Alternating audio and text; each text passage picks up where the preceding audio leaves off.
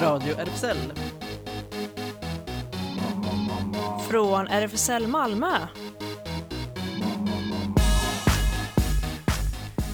Välkommen till eh, Radio RFSL, Riksförbundet för homosexuella, bisexuella, transpersoner, kveras och intersexpersoners rättigheter. Och alla platser här i studion är upptagna idag.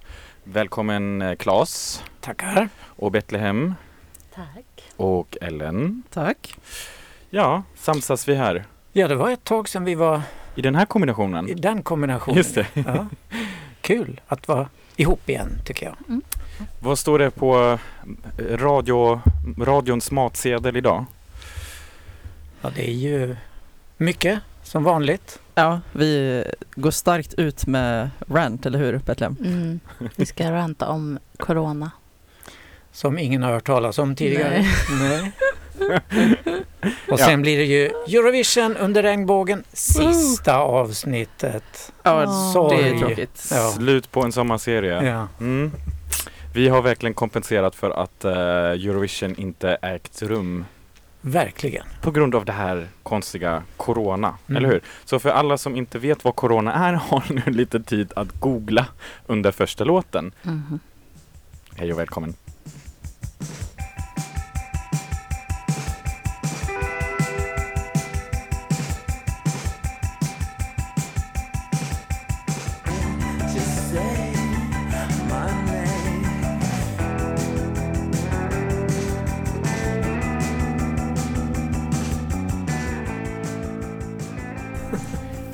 I'm sorry we lied, Blood Orange. Du lyssnar på Radio RFSL.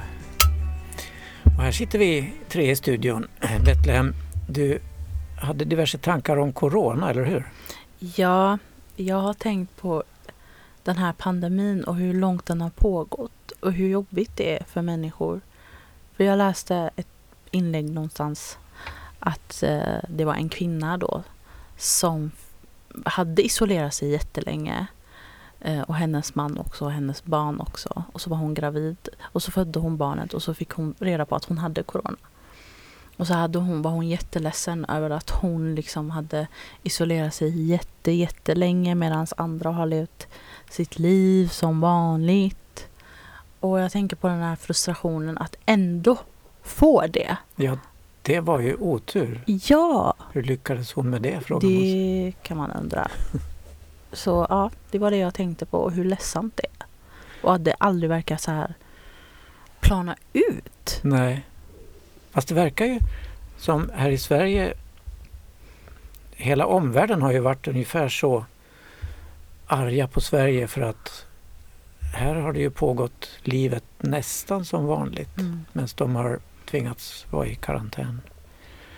Och så där. Men nu har det börjat plana ut i Sverige men det kommer tillbaks i resten av Europa. Ja, men jag kan tänka mig det är lite så här.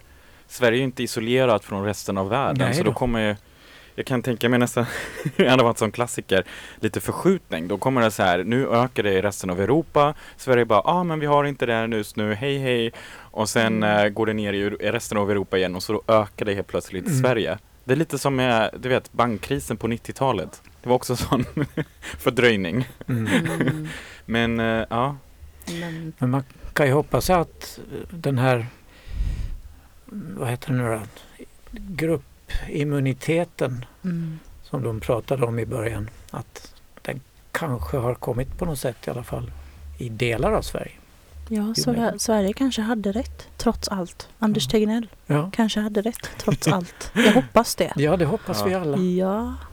Ja. Kommer att visa Är sig det- tio år. Väldigt intressant. Jag tänker att eh, min vän eh, är läkare och har precis börjat jobba nu efter sin AT på eh, Malmöakuten och meddelade faktiskt att så här, ah, men eh, vår coronaakuten har stängt ner nu för de har inga intensivfall. Liksom. Det finns typ två nu som behandlas på sjukhus. Och ehm, så har de också så här, bland läkarna har det gått runt så otroligt många konspirationsteorier också. Jaså? Just varför det har varit rätt så låg smittspridning i Skåne. jämfört med de andra länen. Och då är en teori, alltså den är verkligen så här helt eh, läkare som bara helt out in the blue säger att eh, ja men det kan vara så att eh, när den andra så här svininfluensan var här någon gång det är också en typ av coronavirus tydligen. Då kan det vara så att eh, det fanns betydligt fler fall i Skåne då jämfört med resten av Sverige till exempel. Att det kan finnas någon sån där koppling med att det finns någon typ av antikropp, att man inte lika så här, att det inte blir lika starkt utbrott typ. Eh, men det, det där är, alltså det är långt ifrån att bevisa. Men det var så här, folk har verkligen undrat över det och läkarna har också så här, för att de jobbar där på plats och forskar inte och tänker också så här, men varför är det så här just i Skåne? Men kan det, för jag hörde också någon konspirationsteori om att det bor så många unga människor i Skåne. Och specifikt Malmö då. Mhm. Att det kan vara en del i det Just det. också. Men jag vet inte, har ni levt vanligt som vanligt? Jag vet Nej. Ellen, du har levt som Alltså jag var väldigt duktig i början men sen så gav jag lite upp faktiskt eftersom jag även råkar ha ett jobb där vi inte har ett val, där vi inte får någon skyddsutrustning och eh, liksom, in, ja, det, jobbet går inte att utföra eh, på två meters avstånd Mm. eh, från varken eh, klienter eller eh, annan personal. Så att eh, ja, så där, där släppte jag lite. Fast jag har ändå så här inte gått ut så mycket som jag hade annars innan. Eh, så liksom varit ändå lite restriktiv. Men eh, ja, personligen tänker jag att det, det vore konstigt om jag inte, jag nästan utgår från att jag har haft det och varit symptomfri. Eh, Så du är immun nu med andra ord? Det hoppas jag. Mm. Ja. Men eh, Claes, jag tänkte, jag har ju verkligen tänkt på dig för jag har haft ju den situationen här med radion att eh, sen mars var du med på distans konstant Mm. liksom och eh, ja så här, skulle, Ja. alltså det där var ju någonting som jag verkligen så här, tänkte så men va, hur ska Claes göra? Alltså så här, officiellt har det ju aldrig tagit slut det här med att eh, 70-plussare ska få umgås som vanligt. Men då tänkte jag så här, men man kan ju inte man kan ju inte, du kan ju inte stanna hemma hur länge som helst. Nej, det är så tråkigt. Men det är, vi har ju en sån trång liten studio och när det är fullt med folk här så vill jag inte nej, nej. Vara här. Men det jag- var ju också så här seniorgruppen och massa andra Mm. grejer, liksom att man inte ska gå och handla och du vet Mm. allt det där. Jo, i och med att vi har seniorgruppen så har jag varit tvungen att aktivera mig där. Men där har vi ju varit försiktiga då med vi har haft eh, handsprit och ansiktsmasker med varenda gång så folk Mm. har kunnat skydda sig. Men i början var det, alla var väldigt försiktiga och sånt där och Mm. ansiktsmasker och sånt. Men det har trappats ner mer och mer. Jag tror att folk börjar bli lea åt hela Ja. situationen. Men Betlehem, för att nu vill jag ändå, jag, det är jag som vill ranta här lite, Mm. men jag tänker så här med Corona. Eh, jag tycker det har ju kommit massa regleringar och tänk också speciellt på det här, vi har ju inte kunnat berätta här på radion jättemycket om eh, vad som händer kulturellt för att det allt blir så här teatrar som stängdes, biografer och allt det där. Och det är ändå någonting som har stört mig personligen ganska mycket, den här, alltså hyckleriet liksom. När man, eh, till exempel förra veckan så skulle jag gå till plan B. Ehm, som är ju en av de få ställen som höll öppet genomgående och sa så här, men vi har inget val och vi måste liksom fortsätta och då fick de så här internationell uppmärksamhet för de körde konserter och allt så liksom med 50 personer max och jag vet inte. Så jag var där förra gången eh, i fredags med några kompisar och då blev det verkligen så här, eh, då var det, skulle det inte bli någon dans, vilket jag blev så här, jag förstår tanken liksom att man inte ska dansa och börja hångla upp folk och random Mm. och så. Men ehm, det blev väldigt så här, dub, alltså ja, i den ena stunden liksom så ska man hålla jättemycket distans helt plötsligt och den andra stunden så sitter man på en knökfull buss och ehm, då så här, två ordningsvakter som man ju så fort man ser så tänker man jag går ju lite av moden direkt ner. Bara, varför måste ni vara här typ? Och de eh, så här så, såg till att det skulle bli så här tejp eh, och jätte, de bildade en jättelång kö och man tänkte så här, men samtidigt så kommer ni sitta på eran AV på ett taproom och Mm. samsas där. Och sen skulle man stå och så här beställa en öl och så skulle vi stå där, jag och några kompisar och letade efter våra andra kompisar och då kom direkt någon från baren som sa och jag tror det var sättet. Det var inte att, men sättet.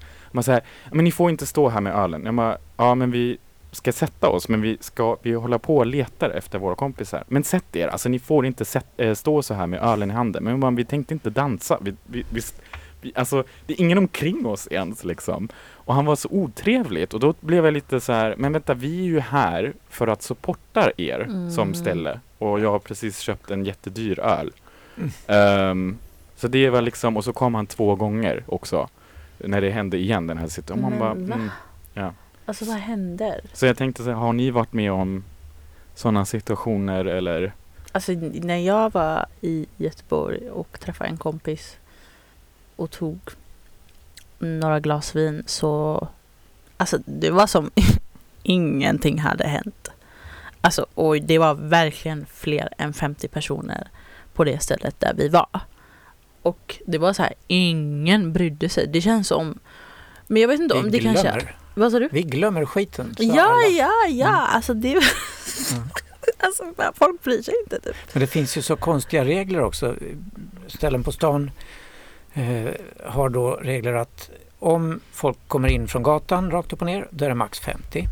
Men om det är en privat fest, till exempel eh, om vi samarbetar med en restaurang och vi står för inbjudningen och vi har en gästlista, då får de ta in 150.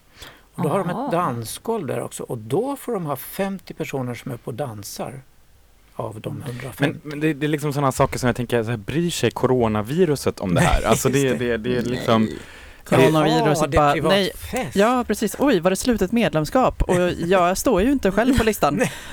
ja, men då... Då stannar men, jag det, ut. men, men det, det där är liksom, det blir sen som den nya ursäkten som man kan adda till den här listan.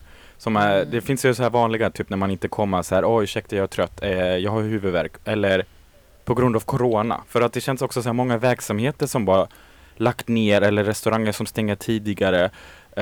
I- för två dagar sedan var jag på en restaurang där de var så här, men vi har ingen, eh, det ingår ingen sallad idag. Det är ingen sallad på grund av corona. Man bara, ja jag fattar, salladsbaren, okej det förstår jag, men ni kan ju fixa, alltså Mm. det är ändå pris. Liksom. Jag betalar ju ändå för, man kan ju servera det separat eller jag vet inte. Mm. Då var jag så här, mm, sp sparar ni pengar nu på att inte servera sallad liksom? Så det känns som en, så en ny ursäkt liksom för lite så irrationellt. Ja, det tror jag Eh. på många håll har det blivit så. Att man Mm. tar det här till intäkt för att inte göra saker och ting. Ja, Mm. så ja, hur läser vi detta då? Ja, Det får komma ett vaccin. eller hur? Förhoppningsvis. Mm. Men saken är den, jag vet inte, alltså jag tog inte vaccin för svininfluensan så jag är så här. Åh, nu måste jag ta det här. Mm. Och där var det ju de här unga som drabbades av, alltså många som drabbades ju av de här fruktansvärda Sömn. biverkningarna. Ja, Ja, just det. just det. Kronisk narkolepsi. Alltså Ja. jag menar, jag är inte så pepp på vaccin för att vara ärlig. Men eh, Nej, inte jag heller. Alltså min kusin som jobbar som biolog och hon säger att hon, de, de var inte jättesäkra när man gav ut vaccinet, svininfluensavaccinet till folket. I alla Nej. fall i England där hon bor. Så var de så här, ja men det här sa vi ju. Och hur blir det då med ett vaccin för det här som utvecklas i rekordfart och testas sådär lite Mm. grann? Och det eh, hade blivit världsrekord tror jag om de skulle fixa det på mindre än ett år Mm. eller till och med två år tror jag. Det tar tid med vacciner. Ja, ja. Ja, vi får se hur det här blir. Ja. Men jag hoppas det blir bättre. Waiting on the world to change, eller vad gör vi? Ja, det är väl det vi gör. Ja. Mm. Ja. Precis.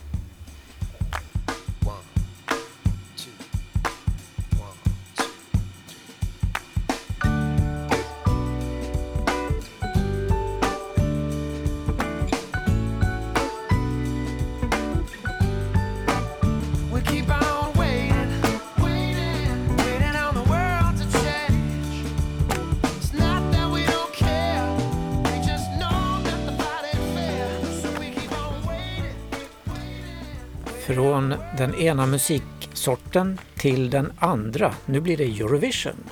Under regnbågen. Sista avsnittet. Just det. Hur var det? Hur kändes det? Har det... Är du, här, på tal om Corona, tänker du att det kommer bli av nästa år då? Det måste det bli. Corona eller ej. I Rotterdam.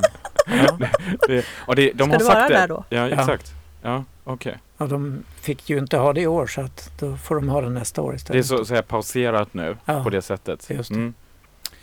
Men right. här har vi då eh, Tobias Larsson som är experten eh, och mig som rantar om Eurovisions, ja de senaste åren nu då och HBTQ-kopplingarna. Och vill man veta mer om Eurovision-låtar så kan man lyssna på alla Eurovision-bidragen, nej alla Eurovision-bidrag.blogspot.com som Tobias har gjort.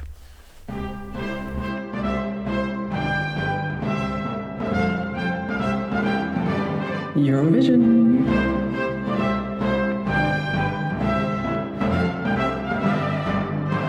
Under regnbågen.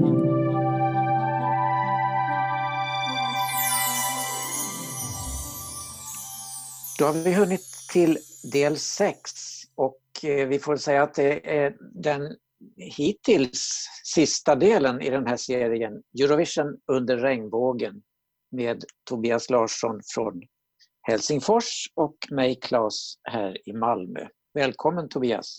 Tack så mycket. Det här har ju varit ett så här mastodontprojekt måste jag ju säga. Att komprimera ihop regnbågshistorien i Eurovisionen så här i sex delar jag tycker att vi har, jobbat på ganska bra måste jag säga. Ja, och med din expertis har det ju gått som ett rinnande vatten och lekande lätt måste jag säga.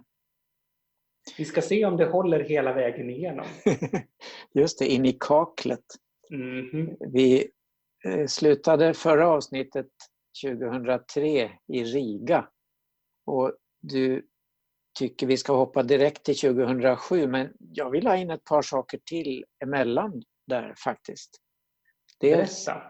2004, Roslana, eh, som jag tyckte var en häftig låt. Och icke minst 2006, Lordi, Finlands första vinst i Eurovision. Jo, att skicka in ett gäng människoätande monster i Eurovisionen, det är ju faktiskt ett ganska queert grepp, måste jag ju Ja, säga. visst är det. Ja. Ja, absolut. Framförallt så gillar jag hon tjejmonstret som spelar keyboards i Lordi. Hon gav en intervju sen, senare på sommaren och fick den här mycket traditionella frågan att, att är hon intresserad av män alls? Och hon sa att ja, till lunch kanske. Vilket jag tycker Okej. är ett jättebra svar på en tråkig fråga. Jag Ja, önskar, att, önskar att fler Eurovisionsartister skulle sådär äta män till, till lunch. De var ju väldigt hemliga med sin identitet hela tiden. Hur har, har de kommit ut så att säga efteråt? Nej, alltså, det, man har sett bilder på Mr Lordi utan sin mask. Så, men det är ju så poänglöst. Vad är liksom, poäng, han är ju liksom ingen känd person utanför rollen som Mr Lordi. Eh, Jag var alltså en del av Finlands delegation i Aten när vi vann 2006. Och jag såg aldrig Lordi utan sina masker. De In- uppträdde inte, de uppträdde inte offentligt. De rörde sig nog, men de hade två olika, två olika identiteter. Att om de var på plats som sig själva så var de akkrediterade som så tekniker eller journalister eller någonting sånt. Eh, och inte som artister, så för att ingen skulle veta vilka de var. Ja, Spännande. Mm. Men eh, då hoppar vi fram till 2007. Eller? Mm. Till Helsingfors! Välkomna till Helsingfors! Ja. Eh, Det var ju så alldeles fantastiskt att Eurovisionen skulle landa här i Finland. Alla i Finland var ju totalt övertygade om att det aldrig kommer att hända. Vi hade alltså en gammal, en gammal vits som handlade om liksom vad som händer vid olika temperaturer i världen. Att finländare är väldigt bra på att klara av svåra temperaturer och så blir det kallare och kallare. Och spanjorer och engelsmän och andra fryser ihjäl och finländarna liksom tar på sig en extra tröja ungefär. Och poäng, slutpoängen i den historien är att uh, minus 300 grader, helvetet fryser till is, Finland vinner Eurovision Song Contest. Så vi Ja. trodde verkligen aldrig att det skulle hända och så hände det och så fick vi stå värd. Det var ju alldeles fantastiskt. Och så fick vi en storståtlig eh, regnbågsvinnare också. Ja, alla älskade. Åh, vi spelade den så ofta i radion. Molitva. Mm, med Maria Šerifović eh, från Serbien.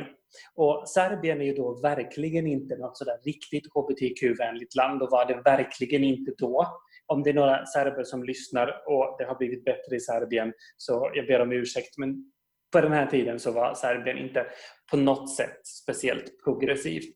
Men nu Um, vet du väl att Serbien har en lesbisk premiärminister?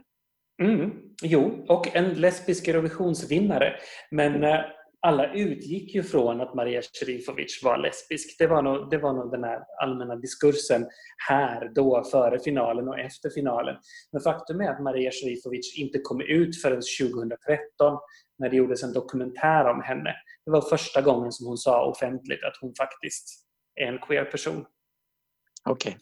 Vilket ju, vilket ju är jättehäftigt. Uh, året efter, när finalen gick i Belgrad, så blev det ett stort, det blev stort eh, uppståndelse och liv och rörelse när arrangörerna gav alla delegaterna ett brev där det stod att eh, vi vet vad ni gör i era hemländer, men vi är inte här än. Om ni uppträder homosexuellt i det offentliga rummet i Belgrad så kan ni riskera er säkerhet. Det var väldigt klumpigt formulerat.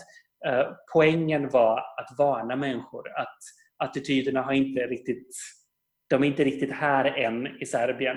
Men folk tog det som en uppmaning till att man ska vara straight acting och ge sig in i skåpet igen. Och det blev ett himla liv om det. Klumpigt gjort, men med gott, gott uppsåt. Gott Som sagt. syfte. Ja, ja. Världen har gått framåt också i Serbien sedan dess, kan vi konstatera. Den har ju det. Men då hör vi hur det var i Serbien 2007 med Molitva. Ni sklopim Postelja prazna, terasan A život se topi. I nestaje brzo ko dlanom od dlan Ko razum da gubim. Jer stvarnosti ne primećujem Još uvek te ljubim.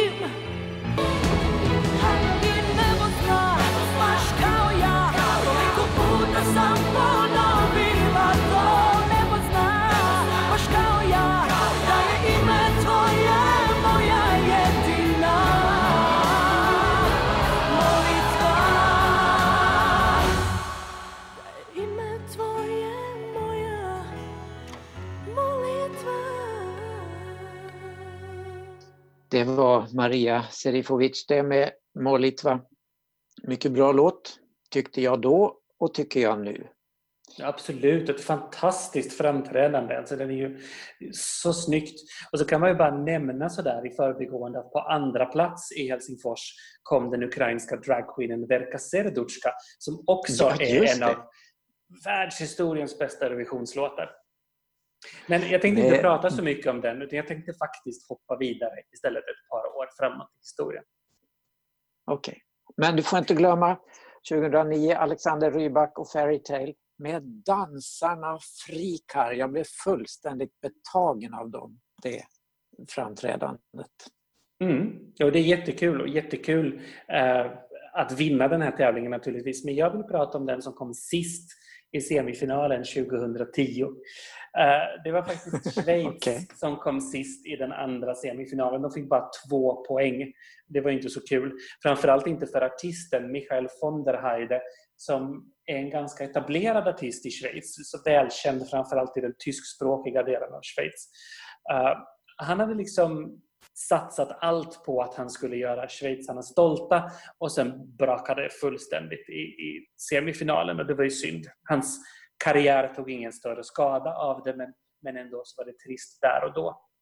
Och, och det som anledningen till att jag vill prata om honom är att han uttalade sig i början av sin karriär och sa att han nog inte var helt straight och så vidare. Och sen dess har han inte velat prata om de här sakerna, inte velat prata om sitt privatliv överhuvudtaget. Men en schweizisk skvallertidning, eller skvallertidning, så ett veckoblad, ehm, de la mycket flit och energi på att följa hans uppladdning inför Oslo. Och han blev mer och mer irriterad över det fokus de la på hans person och de spekulationer de hade runt hans sexualitet. Så när de kom hem till Schweiz igen så stämde han den här tidningen. Han sa att mitt privatliv har ingenting med mitt artisteri att göra och det är homofobiskt av er att spekulera i artisters läggning. Han tog dem till rätten och vann. Så han fick skadestånd. Okej, vad bra. Ja, det är ju roligt när det faller åt det hållet. För jag, till, en viss del så, till en viss del så håller jag faktiskt med honom. Eh, jag tycker inte att officiella personer har en skyldighet att vara öppna i det offentliga om de av någon anledning inte känner sig bekväma med det. Och Det måste man ju själv få avgöra när man är redo eller när man vill, om man tycker att det överhuvudtaget har med saken att göra.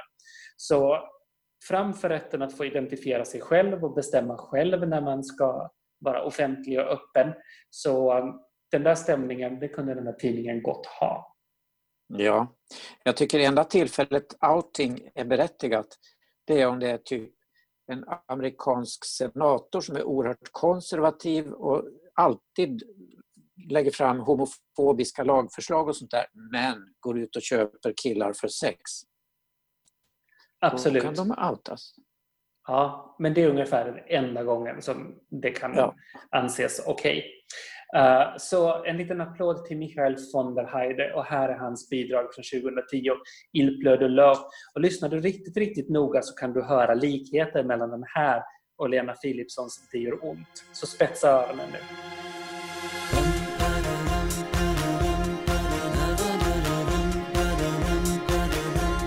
À l'horizon, une touche d'argent.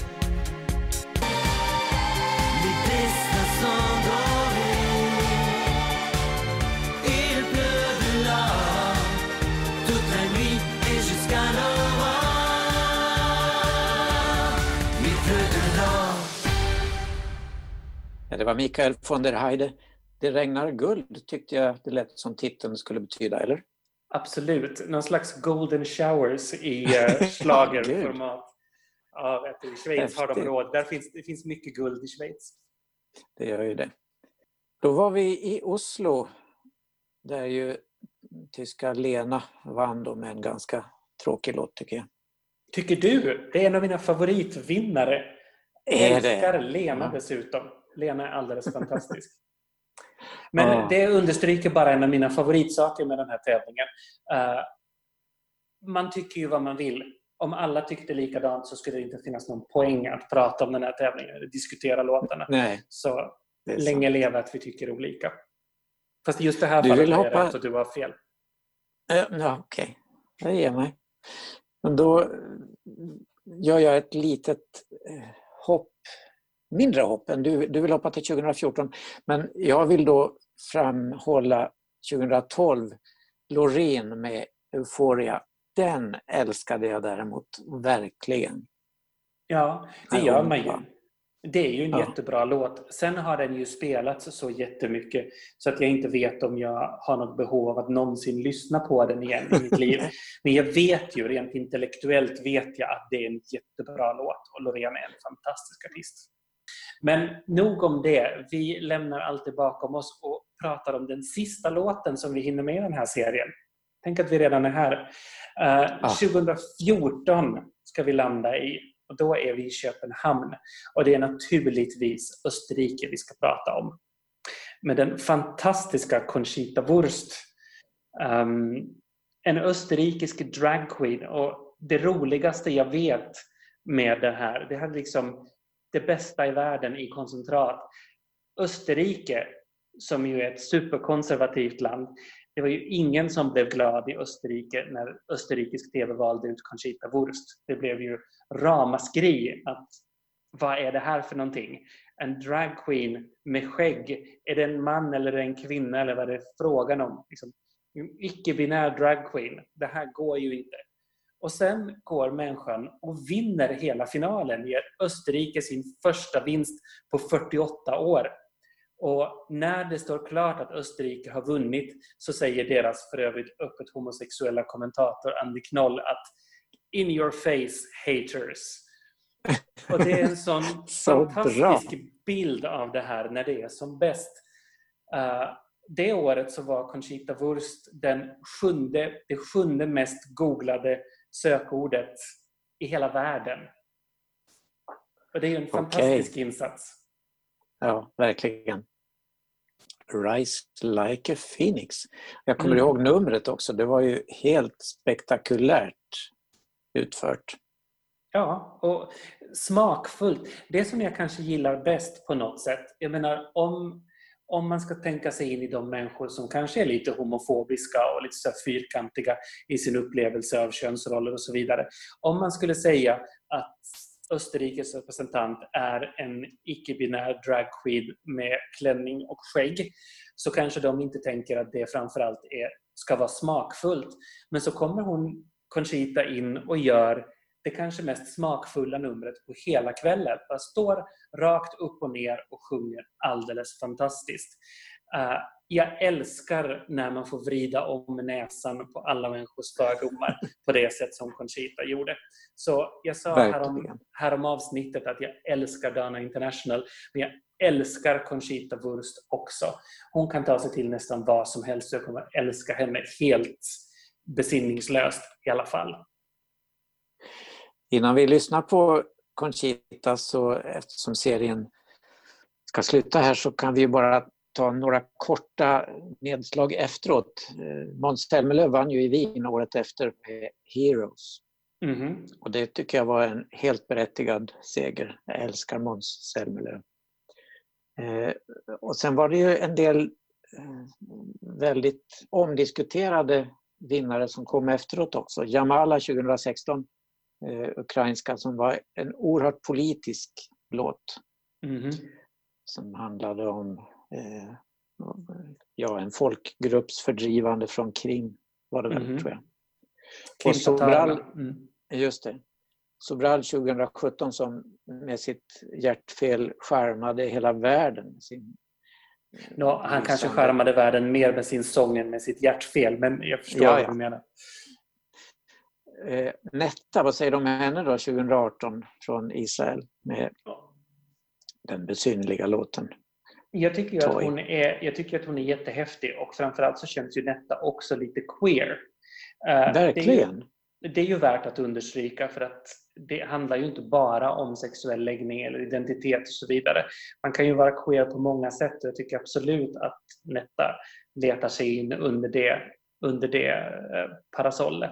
Och sen var det allra senaste vinnare, Duncan Lawrence från Nederländerna 2019, som ju också är öppet bisexuell. Ja, visst. Och som ledde till att vi skulle hamna i Rotterdam men som inte blev av för, på grund av coronakrisen. Scheisse. Får se hur det går nästa år. Då Ja, vi hoppas på det i bästa. Rotterdam. Ja. Men Tobias, då måste vi från Radio RFSL tacka dig så vansinnigt mycket för att du har ställt upp i den här serien Eurovision under regnbågen. Tack så Och- mycket. Och om man vill ha mer Eurovision så är det ju bara att googla Tobson och alla bidragen. Så hittar man min vansinnesblogg där jag skriver ett inlägg om vart och ett av bidragen som har varit med och tävlat från 1956 till 2019. Vi lägger ut en länk till din blogg på vår Facebook-sida naturligtvis. Det tackar man för. Och med det får vi höra på Conchita Wurst med vinnarlåten Rise Like a Phoenix. Tack för den här gången och hej då! Tack och hej! Waking in the rubble, walking over glass. Neighbors say we're trouble. Well, that time has passed. Peering from the mirror, no, that isn't me. A stranger getting nearer. Who can this person be? You wouldn't know. Reborn, you know I will rise like a phoenix, but you're Ja, där hade vi sista delen av Eurovision. Tackar Claes här i studion nu också. Kul att ha det med utan Zoom faktiskt. Ja, det är så trevligt att sitta här bland er alla.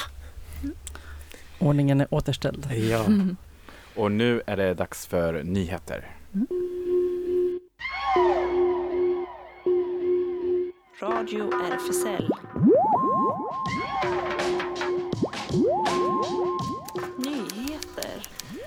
Och vi börjar med väldigt, väldigt eh, tragiska nyheter från Beirut i Libanon. Och det är kanske flera som har hört det redan. Det var ju ett antal explosioner som skedde där i centrala Beirut i, igår eftermiddag och som har orsakat en eh, riktigt svår överskådlig förödelse.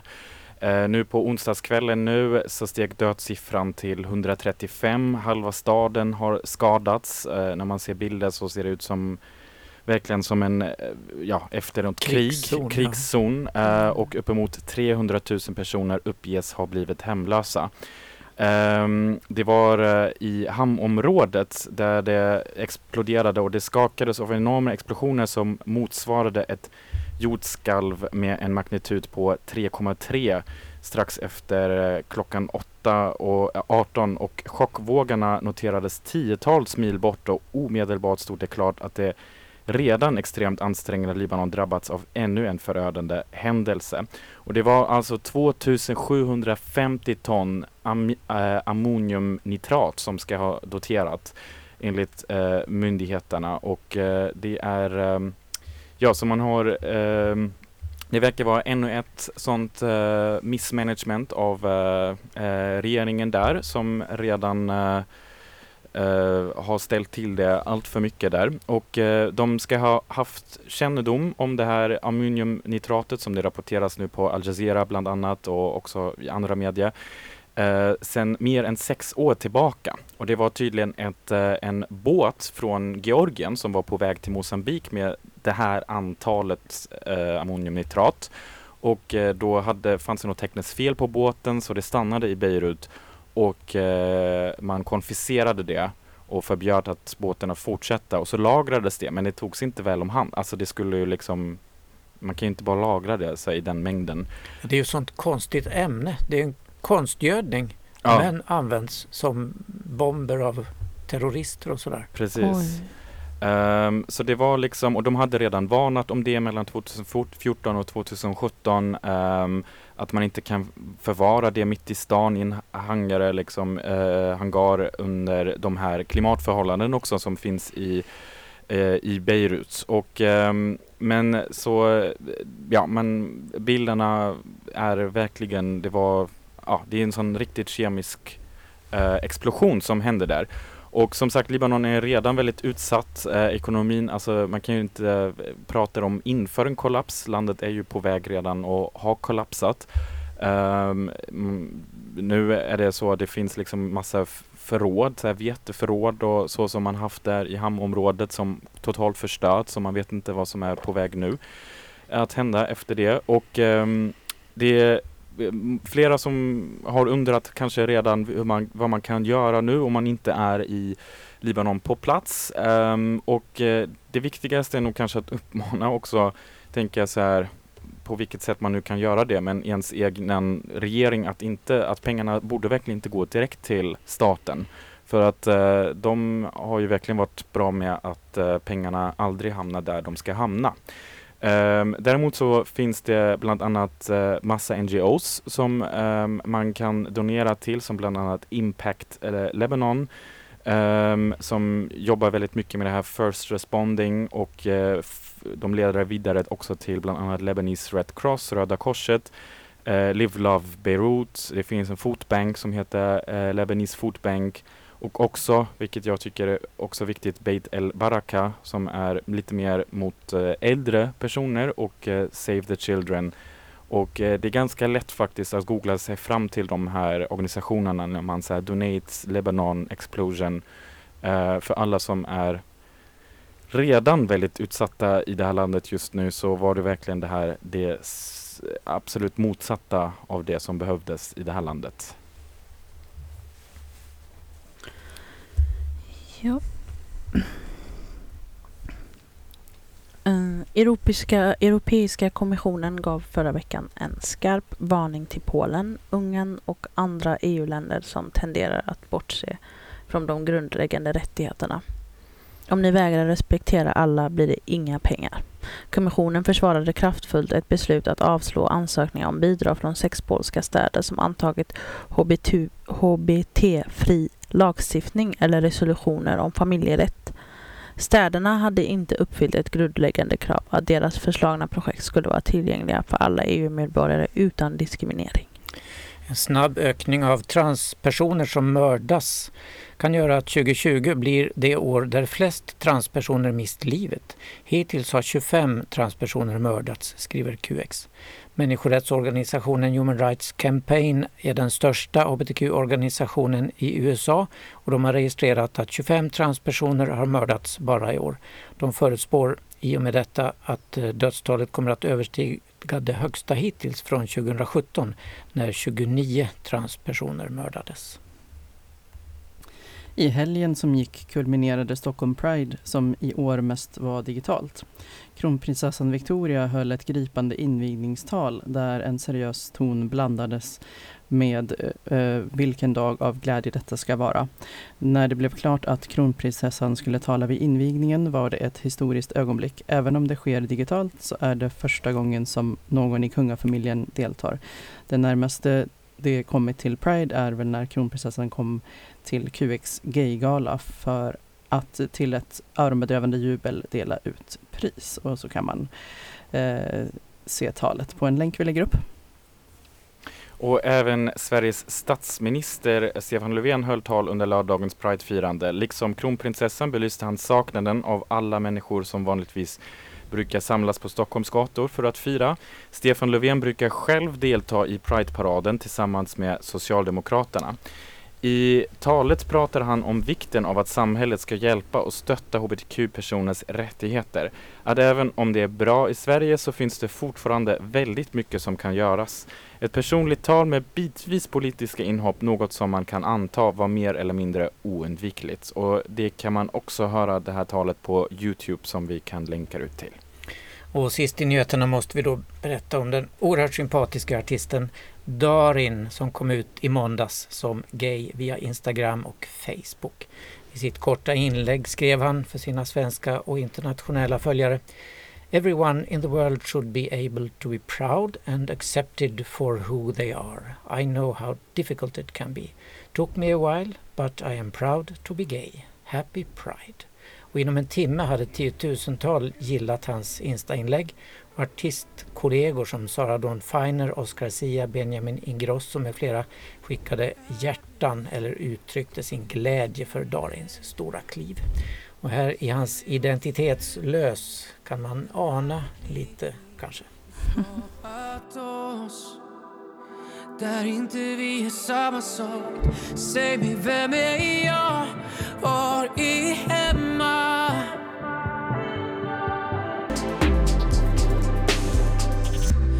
Söker svar om mig själv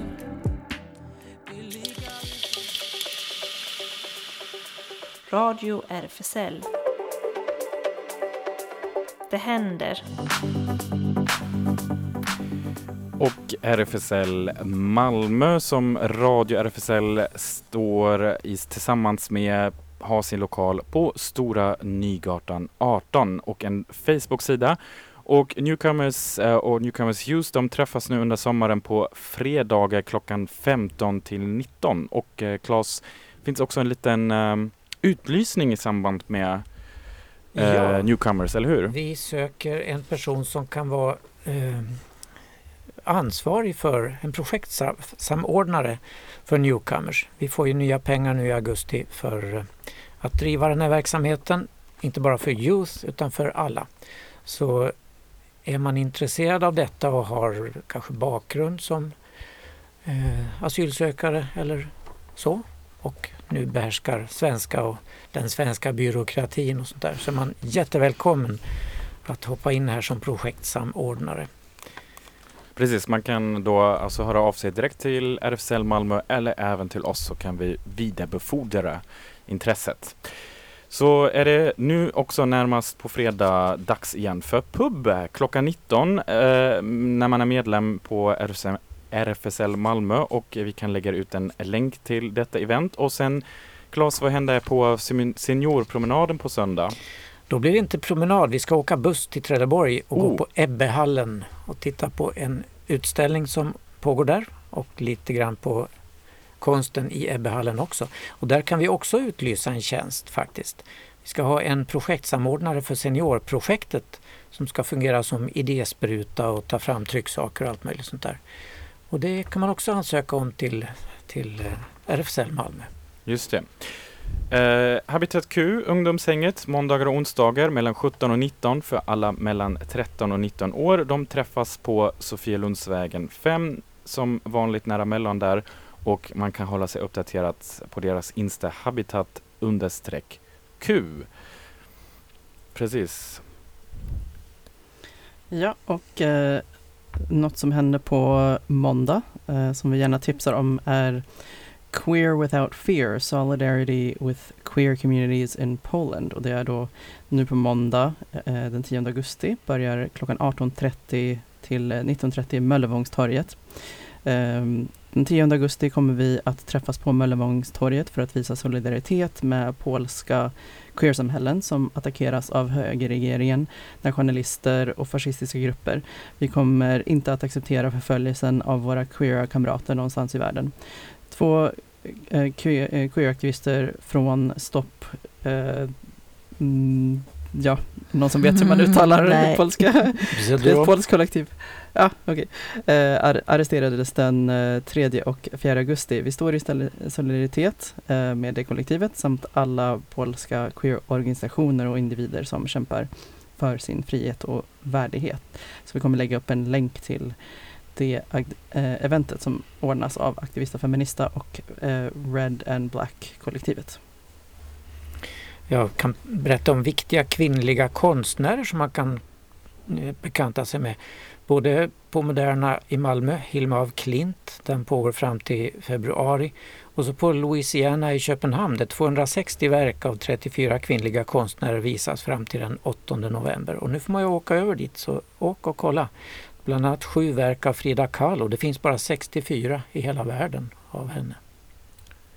Och eh, Stadsteatern och så, där har vi lite glada nyheter, eller hur? Mhm. Det har ju eh, annonserats nu att det tydligen ska bli en spelsäsong nu under hösten eh, med begränsade platser och så, vilket jag tycker är väldigt bra för det hade man kunnat komma på tidigare också. Men eh, framförallt teatervärlden blir nog väldigt lättat över det här. Um, så man kan redan nu gå in på Malmö stadsteaters hemsida och kolla in vad de har för, de har väldigt häftigt, uh, spännande program nu inför hösten faktiskt. Så vi kommer ju kanske också här från radions sida ha en del att recensera. Ja, det ska vi verkligen göra. Och gå in och rösta nu på regnbågsövergångsställen i Malmö. Eh, det är ett förslag som ligger som om du får 100 följare så kommer det att tas upp och då kan det bli verklighet. Det vore väl kul med ett Ja, det hade varit regnbågsövergångsställe. jättebra. Vi lägger ut en länk till det också på, på vår Facebook-sida. Något annat roligt som händer i helgen? Fest. Jag är tyvärr fortfarande väldigt danssugen så jag får väl Same. ja, starta. Jag är också En det, men jag har inte fått nys av någonting. Mm. Nej. Nej, nej, vi får se. Det är möjligt att RFSL kommer att samarbeta med något ställe i stan här så att det kan bli dans på onsdagar. Vi får se. Oho, just Kul. det där med medlemsklubb. Nu ringer en klocka här igen. Ja, det. Okej, vi får avsluta här med en eh, riktigt eh, gammal eh, eh, klassiker så att säga. Kate Bush och Running Up the Hill. Vi hörs nästa vecka igen. Tack för Okej. idag. Hej då! Hej då! Hej då!